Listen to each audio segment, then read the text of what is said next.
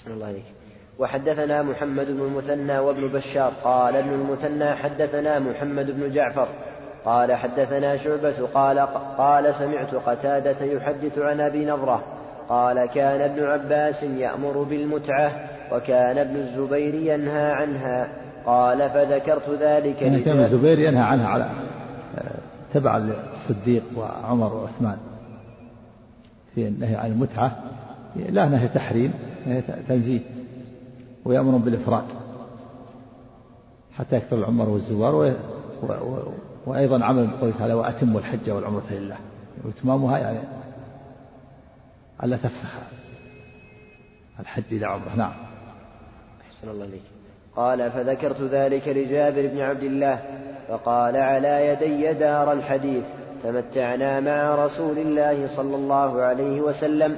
فلما قام عمر قال إن الله كان يحل لرسوله ما شاء بما شاء وإن القرآن قد نزل منازله فأتموا الحج والعمرة لله كما أمركم الله فأبتوا واتقوا نكاح هذه النساء.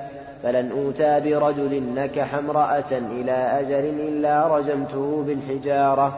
إيش قال قول ابن الزبير؟ إيش عد وكان ابن الزبير ينهى عنها. قال فذكرت ذلك لجابر بن عبد الله رضي الله عنهما فقال على يدي دار الحديث. تمتعنا مع رسول الله صلى الله عليه وسلم. فلما قام عمر قال إن الله كان يحل لرسوله ما شاء بما شاء وإن القرآن قد نزل منازله فأتموا الحج والعمرة لله كما أمركم الله. من عمل يقول أتم الحج والعمرة. نعم. كما أمركم الله فأبتوا واتقوا نكاح هذه النساء. فلن أوتى برجل نكح امرأة إلى أجل إلا رجمته بالحجارة. نكح أجل يعني متعة نكح المتعة دل على أنه يعني زنا لأن المتعة نسخت نقوله استمر على على رأيه رضي الله عنه واجتهاده النهي عن المتعة اجتهادا منه رضي الله عنه. والصواب أن المتعة مشروع الصواب ما به علي وجابر وعمران وابن عباس وأبو موسى بالمتعة نعم. أحسن الله عليك وحدثنيه زهير بن حرب قال حدثنا عفان قال حدثنا قال حدثنا همام قال حدثنا قتادة بهذا الإسناد وقال في الحديث فافصلوا حجكم من عمرتكم فإنه أتم لحجكم وأتم لعمرتكم. يعني الحج مستقل وعمره مستقل اجتهادا رضي الله عنه. تكلم عن ولن أوتى برجل نكح امرأة إلى أجل لرجته بالحجارة نعم ها؟ أو النسخة الثانية؟ نعم. ها؟ تكلم عليه الشارح أو المحشي؟ نعم. نعم. نعم. نسخة إيه.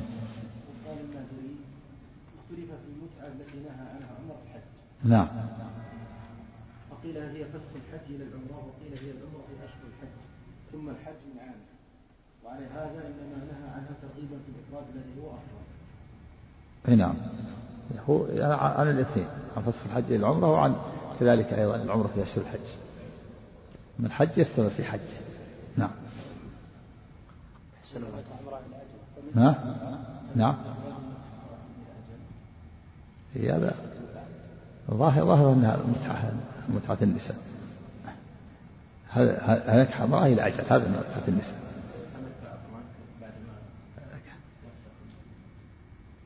نعم. محتمل. يعني من من يرى أنها باقية من بعض الناس. ولا شك المتعه إلى أجل لا شك أنها محرمة. النساء نعم. قال عفوا عنك وأما قوله في متعة النكاح وهي نكاح المرأة إلى أجل فكان مباحا ثم نسخ يوم خيبر ثم أبيح يوم الفتح ثم نسخ في أيام الفتح واستمر تحريمه إلى الآن وإلى يوم القيامة. نعم قيل أنه حرمت مرتين يعني حرمت ثم أبيحت ثم حرمت ثم أبيحت وقيل أنها مرة واحدة لكنها الآن أجمع العلماء على أنها محرمة وأنها حرمت إلا الرافضة مرفوع على نسأل الله العافية على إباحتها نعم ها؟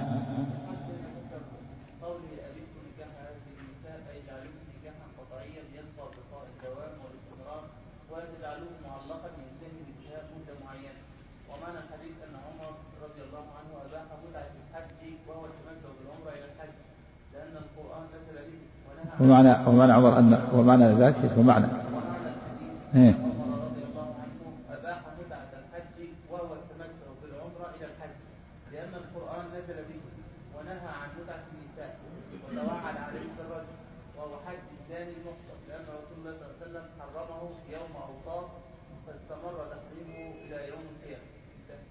هذا كلام من؟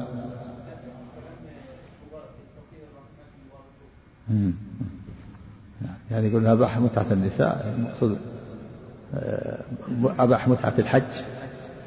ومعروف كان ينهى عن المتعة هذا في نظر. نعم. أحاديث كثيرة في ينهى عن المتعة. نعم.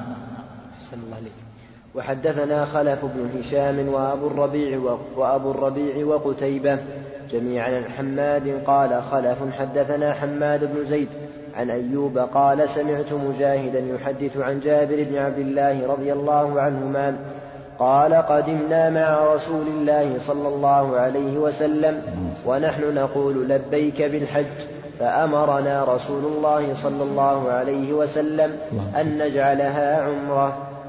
حدثنا أبو بكر بن أبي شيبة وإسحاق بن إبراهيم جميعا عن حاتم قال أبو بكر حدثنا حاتم بن حاتم بن إسماعيل المدني عن جعفر بن محمد عن أبيه قال دخلنا على جابر بن عبد الله رضي الله عنهما فسأل عن القوم حتى انتهى هذا هذا حديث جابر الطويل هذا.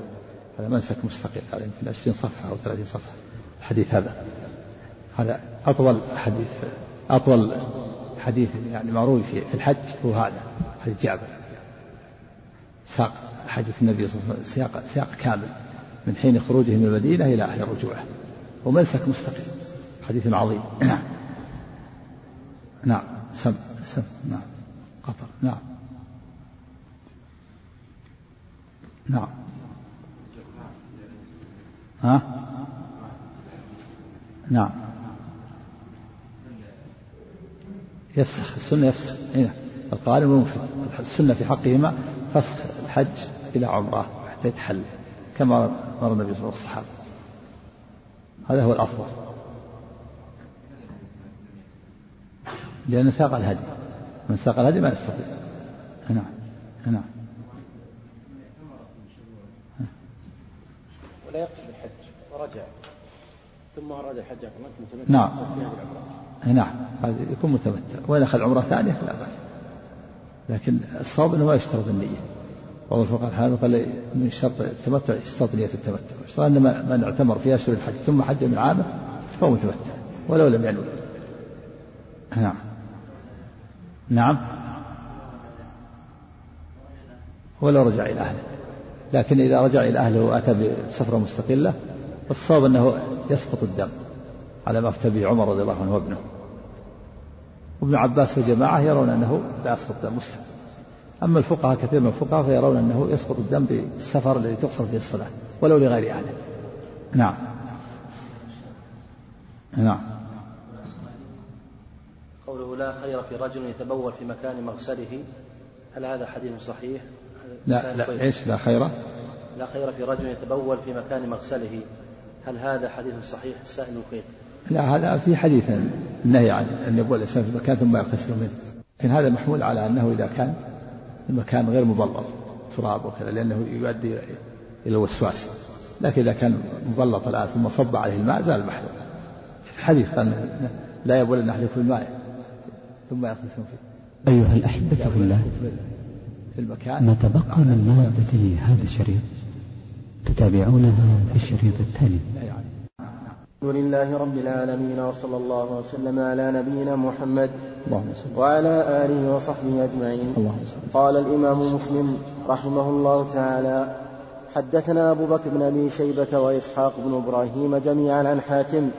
قال أبو بكر حدثنا حاتم بن إسماعيل المدني عن جعفر بن محمد عن أبيه قال دخلنا على جابر بن عبد الله رضي الله عنهما فسأل عن القوم حتى انتهى إلي فقلت أنا محمد بن علي بن حسين فأهوى بيده إلى رأسي فنزع زري, فنزع زري الأعلى ثم نزع زر الأسفل ثم وضع كفه بين ثديي وأنا يومئذ غلام شاب فقال مرحبا بك يا ابن أخي سل عما شئت فسألته وهو أعمى وحضر وقت الصلاة فقام في نساجة ملتحفا بها كلما وضعها على منكبه رجع طرفاها إليه من, صغر من, صغر من صغرها ورداؤه إلى جنبه على المشجب فصلى بنا فقلت أخبرني عن حجة عن حجة رسول الله صلى الله عليه وسلم فقال بيده فعقد تسعا فقال إن رسول الله صلى الله عليه وسلم مكث تسع سنين لم يحج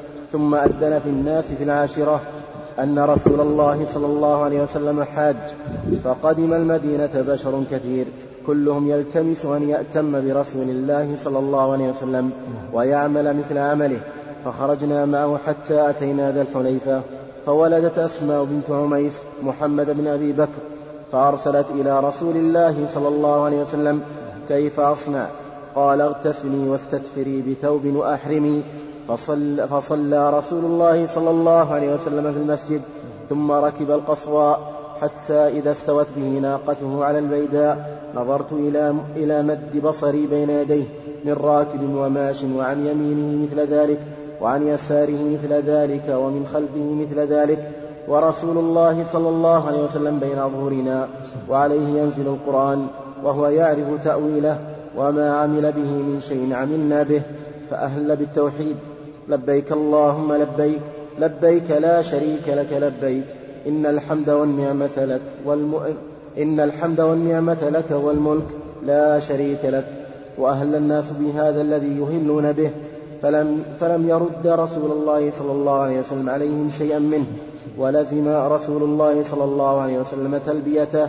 قال جابر رضي الله عنه لسنا ننوي إلا الحج لسنا نعرف العمرة حتى إذا أتينا البيت معه استلم الركن فرمل ثلاثا ومشى أربع ومشى أربعا ثم نفذ إلى مقام إبراهيم عليه الصلاة والسلام فقرأ واتخذوا من مقام إبراهيم مصلى فجعل المقام بينه وبين البيت فكان أبي يقول ولا أعلمه ذكره إلا عن النبي صلى الله عليه وسلم كان يقرأ في الركعتين قل هو الله أحد وقل يا أيها الكافرون. ثم رجع إلى الركن فاستلمه ثم خرج من الباب إلى الصفا فلما دنا من الصفا قرأ إن الصفا والمروة من شعائر الله أبدأ بما بدأ الله به فبدأ بالصفا فرقي عليه حتى رأى البيت فاستقبل القبلة فوحد الله وكبره وقال لا إله إلا الله وحده لا شريك له له الملك وله الحمد وهو على كل شيء قدير لا إله إلا الله وحده أنجز وعده ونصر عبده وهزم الأحزاب وحده ثم دعا بين ذلك قال مثل هذا ثلاث مرات ثم نزل إلى المروة حتى إذا انصبت قدماه في بطن الوادي سعى حتى إذا صعدتا مشى حتى أتى المروة ففعل على المروة كما فعل على الصفا حتى إذا كان آخر طوافه على المروة فقال لو أني استقبلت من أمري ما استدبرت لم أسق الهدي وجعلتها عمرة فما فمن كان منكم ليس معه هدي فليحل وليجعلها عمرة. فقام سراقة بن مالك بن جعشم بن جعشم فقال يا رسول الله ألعامنا هذا أم لأبد؟ فشبك رسول الله صلى الله عليه وسلم أصابعه واحدة في الأخرى وقال دخلت العمرة في الحج مرتين لا بل لأبد أبد وقدم علي من اليمن ببدن النبي صلى الله عليه وسلم. فوجد فاطمة رضي الله عنها ممن حل ولبست ثيابا صبغا واكتحلت فأنكر ذلك صبيغا. الله عنه ولبس ولب ولب ولب ولبست ثيابا صبغا واكتحلت فأنكر ذلك عليها فقالت إن أبي أمرني بهذا. قال فكان علي يقول فكان علي يقول بالعراق فذهبت إلى رسول الله صلى الله عليه وسلم محرشا فاطمة محرشا على فاطمة للذي صنعت مستفتيا لرسول الله صلى الله عليه وسلم فيما ذكرت عنه فأخبرته أني أنكرت ذلك عليها. فقال صدقت صدقت. ماذا قلت حين فرضت الحج؟ قال قلت اللهم إني أهل بما أهل به رسولك. قال فإن معي الهدي فلا تحل. قال فكان جماعة قال فكان جماعة الهدي الذي قدم به علي, علي من اليمن والذي أتى به النبي صلى الله عليه وسلم مئة. قال فحل الناس كلهم وقصروا إلا النبي صلى الله عليه وسلم ومن كان معه هدي. فلما كان يوم التروية توجهوا إلى منى فأهلوا بالحج وركب رسول الله صلى الله عليه وسلم فصلى بها الظهر والعصر والمغرب والعشاء والفجر ثم مكث قليلا حتى طلعت الشمس وأمر بقبة من شعر تضرب له بنمرة فسار رسول الله صلى الله عليه وسلم. ولا تشك قريش إلا أنه واقف عند المشعر الحرام كما كانت قريش تصنع في الجاهلية. فأجاز رسول الله صلى الله عليه وسلم حتى أتى عرفة فوجد القبة قد ضربت له بنمرة فنزل بها حتى إذا زاغت الشمس أمر بالقصوى فرحلت له فأتى بطن الوادي فخطب الناس وقال إن دماءكم وأموالكم حرام عليكم كحرمة يومكم هذا في شهركم هذا في بلدكم هذا ألا كل شيء من أمر الجاهلية تحت قدمي موضوع. ودماء الجاهلية موضوعة وإن أول دم أضع من دمائنا.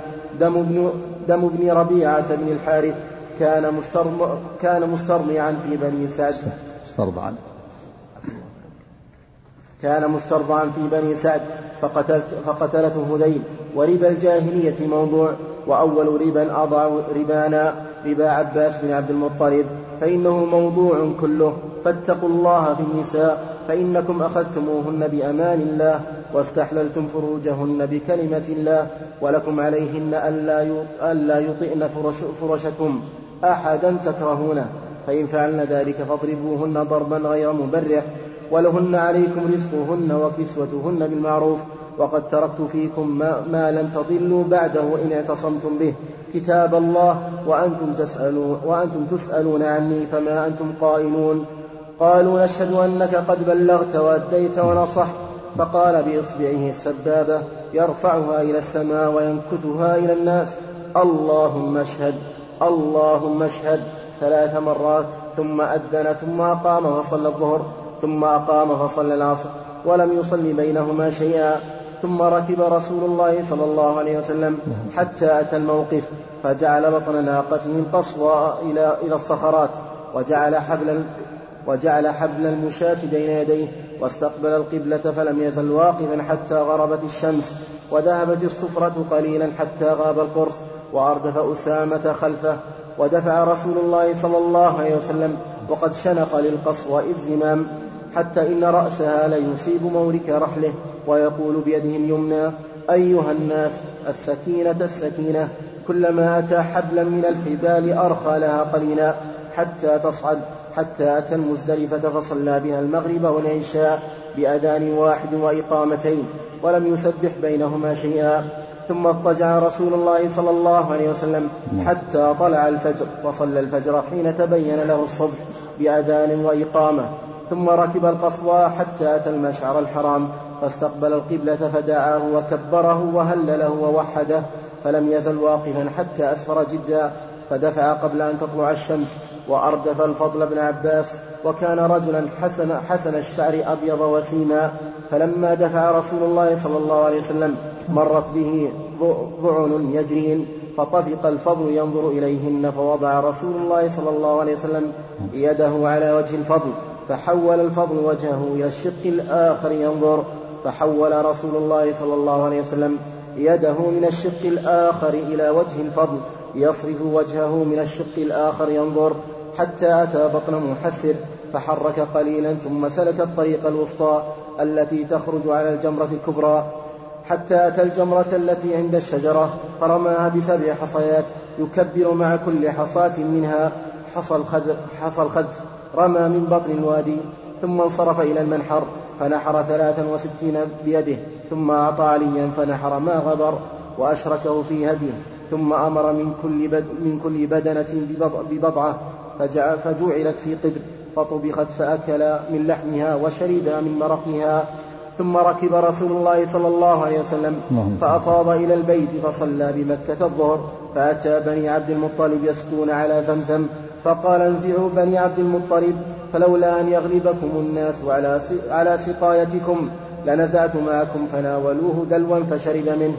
وحدثنا عمر بن حفص بن غياث قال حدثنا أبي قال حدثنا جعفر بن محمد قال حدثني أبي قال أتيت جابر بن عبد الله رضي الله عنهما فسألته عن حجة رسول الله صلى الله عليه وسلم وساق الحديث بنحو حديث حاتم بن إسماعيل وزاد في الحديث وكانت العرب يدفع بهم أبو سيارة على حمار عري فلما أجاز رسول الله صلى الله عليه وسلم من المزدلفة بالمشعر الحرام لم تشك قريش أنه سيقتصر عليه ويكون منزله ثم ف...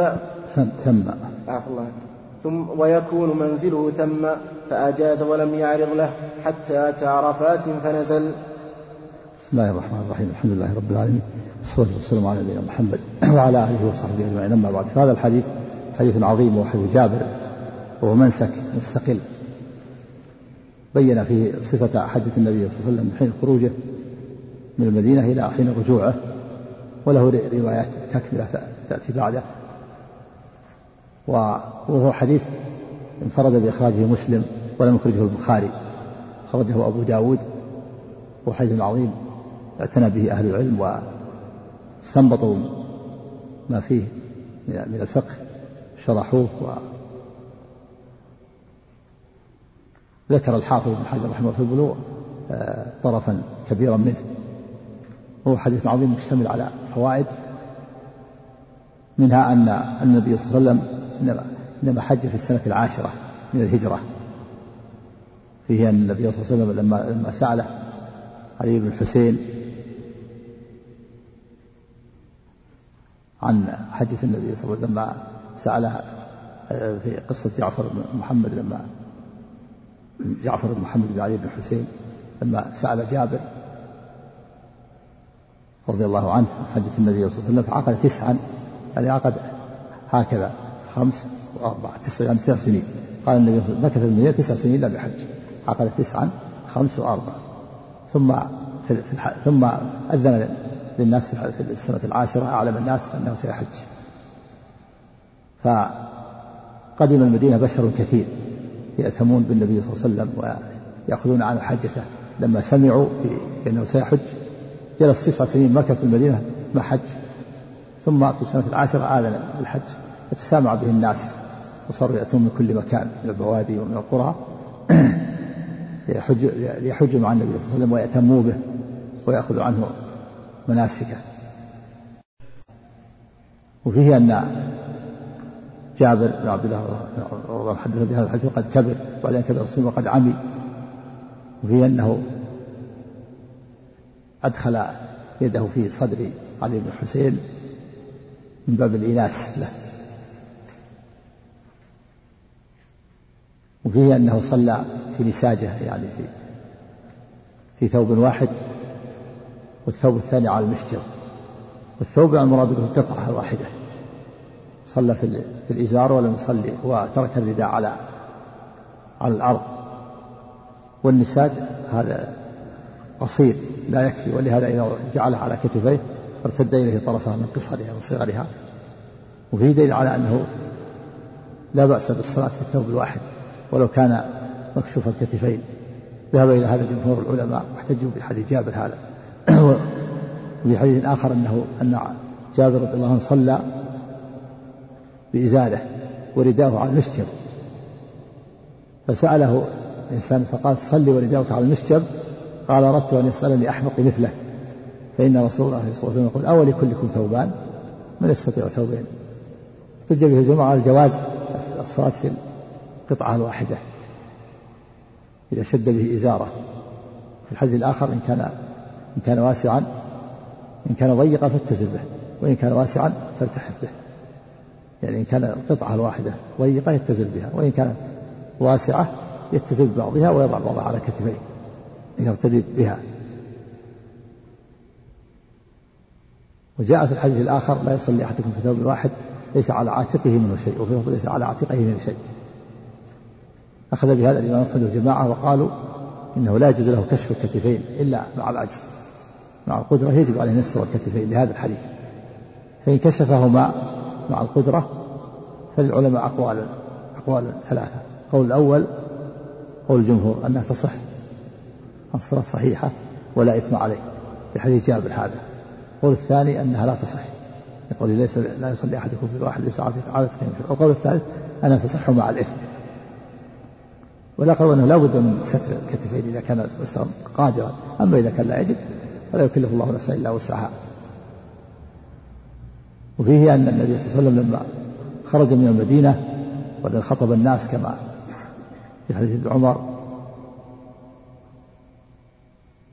خرج يوم السبت بعد الظهر اليوم الخامس والعشرين من شهر ذي القعدة.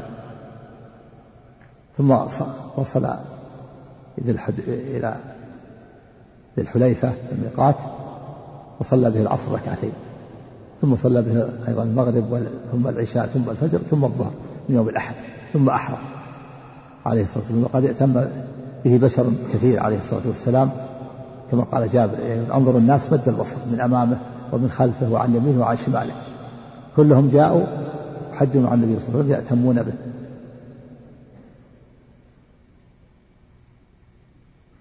وفي حديث ابن عباس النبي عليه وسلم أحرم بعد أن ركب راحلته. في رواية خصيف أنه أحرم في مصلى لكنها رواية ضعيفة. وفي حديث جابر أنه لما استوت به على البيداء أهل بالتوحيد. فهذا محمول على أنه كرر التلبية في البيعة لما كان البيداء وإنما وأحرم بعد أن ركب راحلته. وفيه أن أسماء بنت عميس ولدت محمد بن أبي بكر في الميقات فسألت النبي صلى الله عليه وسلم فأمر النبي صلى الله عليه وسلم زوجها أبا بكر أن يأمرها بأن بأن تستثفر بثوب وتغتسل وتحرم دل على أن النفساء يشرع لها الاغتسال وكذلك الحائض عند الميقات تغتسل وتحرم. دل على مشروعية الاغتسال لمن أراد الإحرام لحج أو عمرة حتى ولو كان حائضا أو نفساء. وثبت أن النبي صلى الله عليه وسلم آه، تجرد لإهلاله واغتسل. فدل على مشروعية الاغتسال. وفيه أن النبي صلى الله عليه وسلم لما جاء في حديث ابن عمر أنه اغتسل أيضا لدخوله مكة. وأنه قدم مكة في اليوم الرابع من ذي الحجة وأقام بالأضحى أربعة أيام ثم انتقل إلى إلى منى في اليوم الثامن. وفيه أيضا أن النبي صلى الله عليه وسلم خيرهم عند الميقات. خيرهم عند الميقات بين الأنساك الثلاثة بين التمتع والقران والإفراد. فمنهم من أحرم بالحج مفردا ومنهم من أحرم بالعمرة ومنهم من أحرم بالحج والعمرة معا. وعائشة ممن أحرم بالعمرة. فلما وصلوا وهو مكان قريب مكة حارت عائشة رضي الله عنها وأمرهم النبي صلى الله عليه وسلم أمر القارنين والمفردين أن يفسخوا إحرامهم ويجعله عمرة ولم يحتم عليهم. فمنهم الآخذ بها ومنهم التارك. فلما طافوا وسعوا أمرهم النبي صلى أن يتحللوا وحتم عليهم وألزمهم أن يتحللوا إلا من ساق الهدي. فذهب بعض العلماء إلى وجوب التمتع. وهو رواية عن الإمام أحمد اختارها ابن القيم رحمه الله.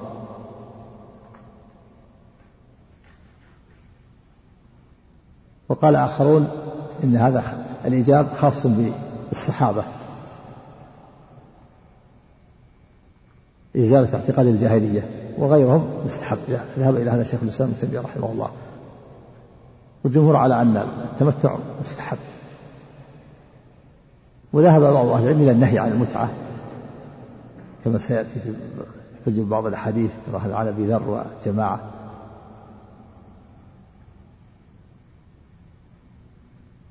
ولعلهم تعولوا. وأما النبي صلى الله عليه وسلم ومن ساق الهدي فإنهم ثبتوا على إحرامهم حتى ذبحوا هديهم يوم العيد. فيه أنه, أنه عليه الصلاة والسلام أمر المحلين أن يحرموا بالحج في اليوم الثامن من ذي الحجة. وهذا هو الصواب أنه يشرع للمحلين ولمن أراد الحج من أهل مكة في اليوم الثامن. وقال بعض العلم يحرمون بالحج إذا رأوا الهلال هلال ذي الحجة. والصواب أنه أن الإحرام بالحج يكون في اليوم الثامن. هذا هو السنة. ثم في اليوم الثامن يتوجه جميع الحجاج إلى منى المفردين والقارنين والمتمتعين كلهم يشرع لهم أن يدفعوا إلى منى في اليوم الثامن من الحجة. وفي هذا الحديث أن النبي صلى الله عليه وسلم صلى بمنى خمس صلوات الظهر والعصر والمغرب والعشاء والفجر. وهذا هو السنة للحاج أن يصلي في منى خمس خمسة فروض كل صلاة في وقتها. قصرا بلا جمع صلى الظهر ركعتين والعصر ركعتين والمغرب ثلاث والعشاء ركعتين والفجر ركعتين. في دليل على أن المقيم ولو كان مسافرا يشرع في حقه القصر دون الجمع وإن جمع فلا حرج. لأنه ثبت أن النبي صلى الله عليه وسلم كان نازلا في تبوك ثم جمع. خرج جمع الظهر والعصر وجمع المغرب والعشاء. قال شيخ الإسلام ابن تيمية رحمه الله إنه لا لا يجمع إلا إذا كان جادا به السير. والصواب أنه له أن يجمع ولو لم يكن جادا بالسير. لكن الأفضل إذا كان إذا كان نازلا فإنه يقصر ولا يجمع. وهذا هو الأكثر من فعله عليه الصلاة والسلام. والإقامة في منى في اليوم الثامن سنة وكذلك المبيت ليلة التاسع في منى سنة ليس بواجب. والنبي صلى الله عليه وسلم صلى الصلوات الخمس وبات ليلة التاسع في منى. ثم مكث قليلا حتى طلعت الشمس. ثم دفع إلى عرفة. السنة للحاج أن يدفع إلى عرفة بعد طلوع الشمس من اليوم التاسع. وفي أن النبي صلى الله عليه وسلم أمر بأن تضرب له ب بنمرة قبة من شعر. ونمرة مكان غرب عرفة. قرية كان صار قرية وهي الآن فضاء قرب عرفة. فاستظل بها عليه الصلاة والسلام وجلس حتى زالت الشمس فدل على جواز استظلال المحرم بالخيمة وأنه لا حرج في أن يستظل بالخيمة. والشجرة. وكذلك له أن يستظل بسقف السيارة الشمسية. ومن العلماء من فرق بينهما فقال له يستظل بالخيمة والشجرة لأنها ثابتة أما السيارة فلا فلا يستظل بها وكذلك سقف السيارة وهذا مذهب الحنابلة والشيء الذي يتحرك بحركته لا تستظل به مثل السيارة ومثل الشمسية أما الثابت مثل الخيمة والشجر فلا بأس. والرافضة هكذا يفعلون ولهذا تجدون الرافضة سيارة مكشوفة ما يستظلون بها. لأنهم يرون أنه لا يجوز الاستظلال بالشيء الذي يتحرك. والمذهب هكذا مذهب الحنابلة. والرواية الثانية أنه يعني ينبغي الحنابلة هكذا أن تكون سيارة مكشوفة على المذهب. لأنهم يرون أنه لا لا يستظل بما يتحرك بالحركة بحركته. لكن ولكن الصواب أنه لا بأس بالاستغلال بالخيمة أو بالشجرة. أو بالشمسية أو بسقف السيارة كل هذا لا حرج فيه. إنما الممنوع الملاصق للرأس. الممنوع أن يجعل شيئا ملاصقا على الرأس كالعمامة والطاقية ولو بشيء. فإذا تغطية الرأس له, له ثلاث حالات. الحالة الأولى أن نظلل الرأس بشيء ثابت كالشجر والخيل وهذا لا, لا خلاف فيه. الحالة الثانية أن نظلله بشيء يتحرك بحركته كالسيارة والشمسية وهذا فيه الخلاف من العلماء نجده ومن من منعه والصواب الجواز. الحالة الثالثة أن نظلل الرأس بملاصق كالطاقية والغترة والسير والعمامة. هذا لا يجوز بالاتفاق. هذا تغطية للرأس. أما الأول يسمى تضليل. تضليل الرأس لا بأس أما تغطية الرأس هو الممنوع. الممنوع تغطية الرأس لا تضليل الرأس. وسواء ظل الرأس بشيء ثابت أو بشيء يتحرك الحركة ولهذا أمر النبي صلى الله عليه وسلم ضربت له بنمرة قبة من شعر استظل بها. ثم لما زالت الشمس ركب النبي صلى الله عليه وسلم ناقته. فخطب الناس في عرنة في بطن الوادي في بطن عرنة. وهو واقف على راحلته عليه الصلاة والسلام. وكان ذلك اليوم يوم جمعة. ولم يؤذن قبل الخطبة. دل على أنه لم يصلي لم يصليها جمعة. خطب خطبة عظيمة. قرر فيها قواعد التوحيد. وهدم فيها الشرك. وحث الناس على لزوم الكتاب والسنة. ونهاهم عن القتال. قال لا ترجعوا بعد كفارا يضرب بعضكم رقاب بعض. وبين حق الرجل على امرأته وحق المرأة على زوجها. وأمر بالرفق بالمرأة وعدم إيذائها. وقال إنهن عوان عندكم يعني أسرات أخذتموهن بأمان الله وفرغن بأمانة الله واستحللتم فروجهن بكلمة بكلمة الله. يعني بالعقد عقد الزواج. وقال إن لنسائكم عليكم حقا ولكم عليهن حقا فلكم على نسائكم ولا يطئن فرشكم أحد تكرهونه ولا يذن لمن تكرهون ولهن عليكم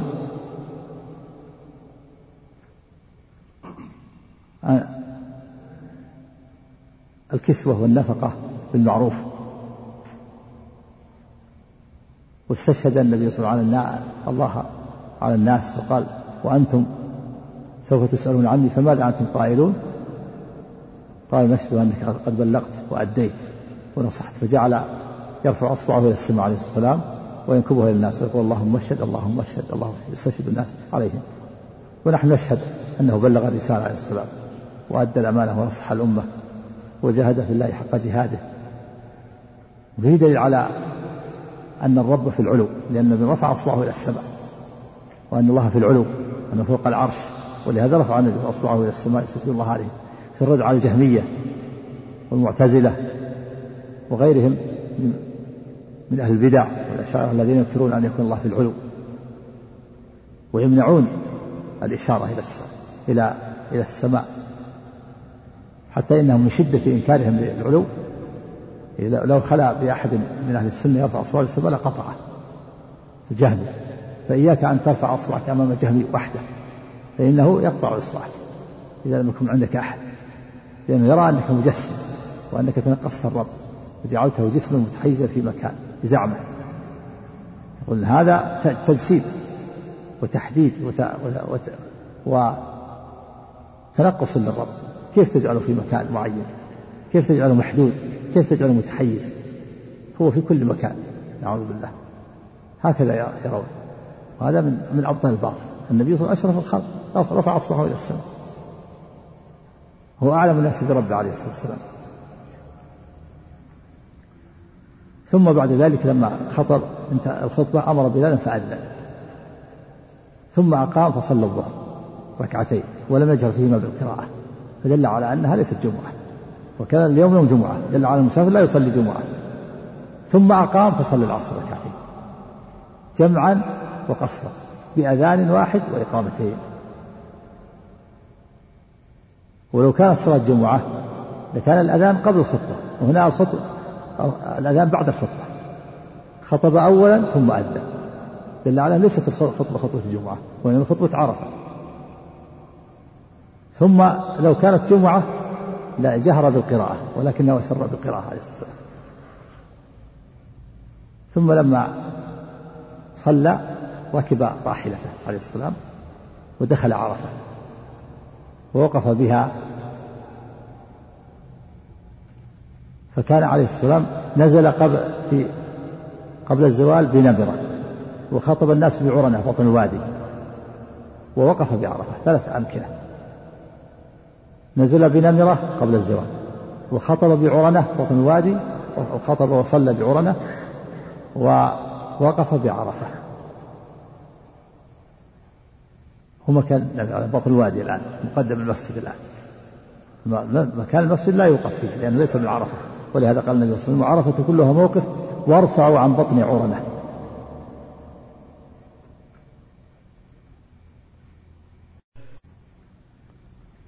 ثم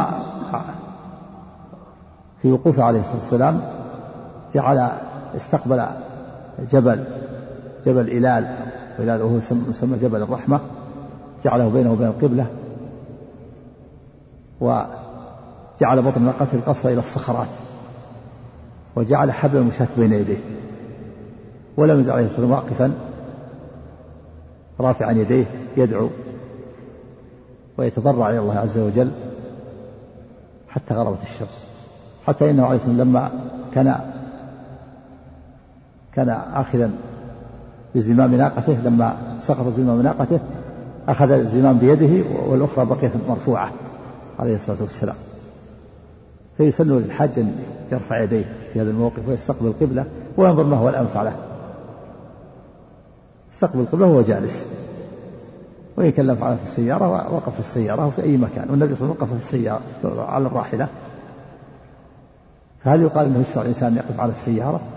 ينظر ما هو الأنفع له. والأبعد له على التشويش. يستقبل يستقبل القبلة في أي مكان. والوقوف معناها الوجود على أرض عرفة سواء كان واقفا أو جالسا. حتى لو كان نائما يسمى واقف. ما دام أنه وجد على أرض عرفة في هذا الوقت في هذا الوقت يسمى واقف. لكن ينبغي الإنسان أن يستغل هذا الموقف هذا الوقت الشريف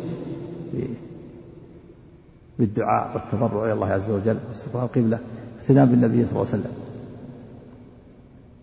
ولهذا شرع شرع أن تقدم صلاة العصر مع صلاة الظهر. تقديم صلى صلاة التقديم حتى يتسع حكمه والله أعلم حتى يتسع وقت الوقوف. يكون وقت الوقوف طويل مستمر من بعد الصلاة إلى غروب الشمس.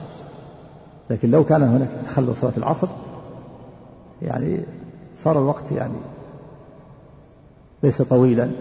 تأتي صلاة العصر ثم يتوقف ثم يصلي العصر. ثم بعد ذلك لم يزل عليه الصلاة والسلام واقفا. متورعا حتى غربت الشمس واستحكم غروبها وغاب قرص الشمس ثم دفع إلى مزدلفة. وخالف هدي هذا المشركين عليه الصلاة والسلام. كان المشركون ينصرفون من عرفة قبل غروب الشمس. إذا صارت الشمس فوق الجبال كعمائم الرجال انصرفوا فخالفهم النبي صلى الله عليه وسلم وقال خالف هدينا هدي المشركين فلم ينصرف حتى غربت الشمس واستحكم غروبها ثم دفع إلى مزدلفة. وجعل يقول أسأل يا أيها الناس السكينة السكينة فإن البر ليس بالإضاء يعني البر ليس بالإسراف وكان يشد زمام ناقته حتى إن رأسها لا يصيب ملك رحلة حتى لا يضر الناس. يقول أيها الناس بيد السكينة السكينة يعني ارفقوا فإن البر ليس بالإسراء حتى لا يضر بعضهم بعضا. فإذا وجد متسع أرخى لها الزمام حتى تصعد. وأكثر من التلبية في طريقه عليه الصلاة والسلام إلى عرفة وأردف أسامة بن زيد جعله خلفه. وهذا من حسن الخلق عليه الصلاة والسلام. خلاف المتكبرين الذين يأنفون من الإرداف أردف عليه الصلاة والسلام خلفه أسامة بن زيد فلما وصل مزدلفة أمر المؤذن فأذن ثم صلى المغرب ثلاث ركعات. ثم أمر بأن تحط الرحال عن الجمال عن الإبل. ثم أقيمت صلاة العشاء. فصل بين المغرب والعشاء بحط الرحال. ولم يسبح بينهما في الظهر ولا في المغرب والعشاء. يعني يصلي بينهما نافلة. صلى الظهر والعصر قصرا وليس بينهما سبحة. يعني يسبح لم يصلي صلاة السبحة وكذلك المغرب والعشاء.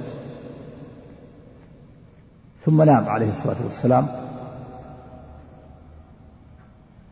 رجع من أول الليل ليكون ذلك أعون له على أداء الوظائف وظائف يوم العيد. ولا يمنع هذا من كونه أوتر وإن لم يكن في حديث جابر المعروف عليه الصلاة والسلام أنه لا يترك الوتر حضرا ولا سفرا.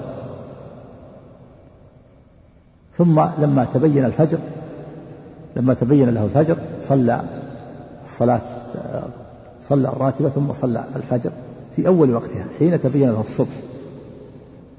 صلى مبكرا لكن بعد تبين الفجر. على غير المعتاد المعتاد أنه يتأخر بعض الشيء. إذا أذن يأتيه بلال ويؤذنه ثم يصلي ركعتين. لكن هنا في عرفة في مزدلفة بكر تبكيرا شديدا من حين تبين له الصبح. ولهذا قال ابن مسعود لم أرى النبي صلى الله عليه وسلم صلاة لغير ميقاتها إلا في إلا يوم العيد في مزدلفة يعني غير ميقاتها المعتاد وليس المراد أنه صلىها قبل الوقت. والحكمة في ذلك والله حتى يتسع وقت الوقوف. فلما صلى ركب ناقته حتى أتى المشعر الحرام. وهو جبل قزح واستقبله.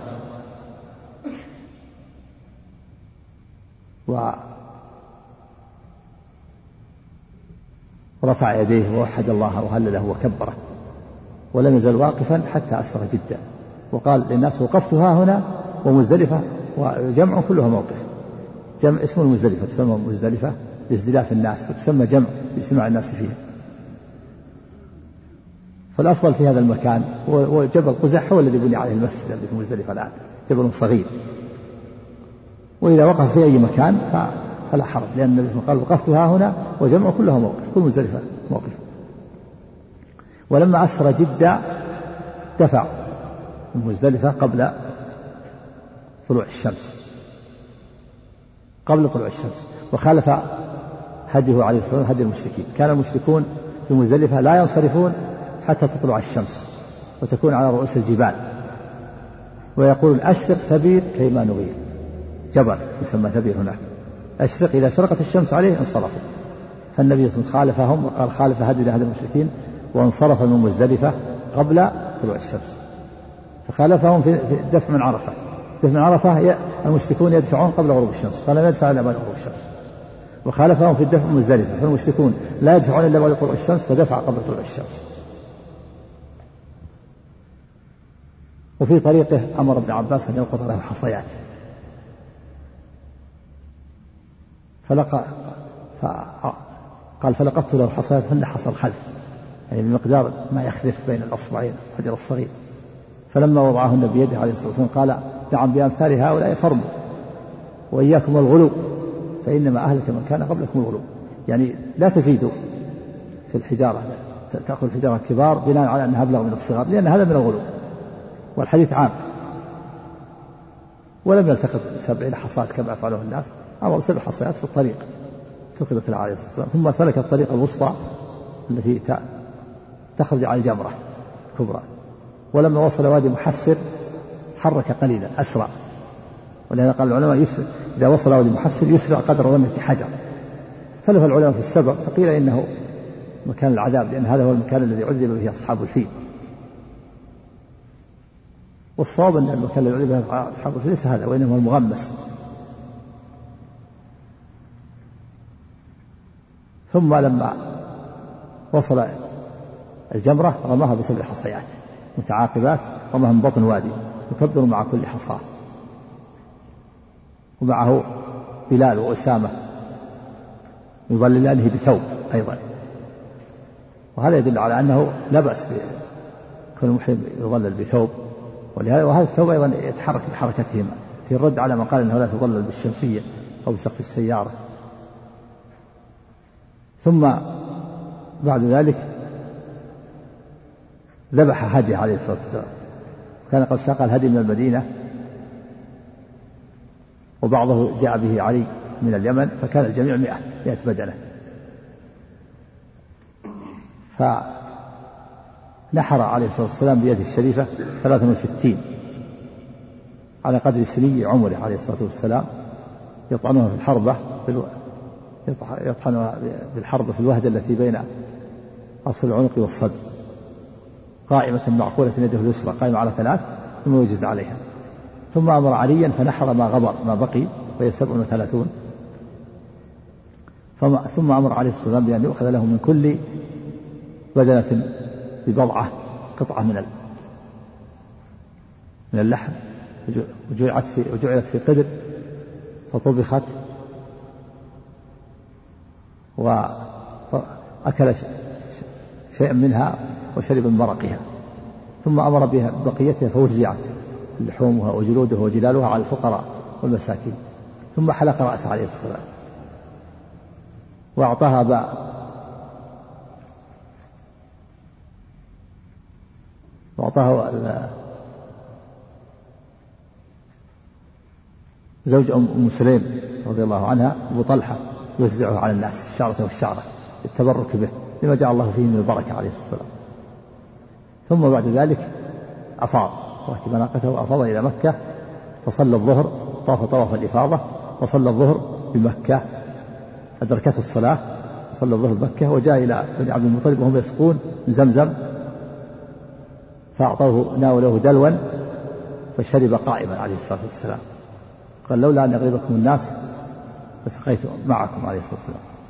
ثم ذهب إلى منى فوجد أصحابه مجتمعين ينتظرونه فصلى بهم تلك الصلاة. له نافلة وله فريضة عليه الصلاة والسلام. أما طواف الطواف الأول طواف القدوم فإن النبي صلى الله طاف أولا. طواف القدوم طاف أولا لما قدم. مكة فإنه طاف أولا طواف القدوم لأنه قارن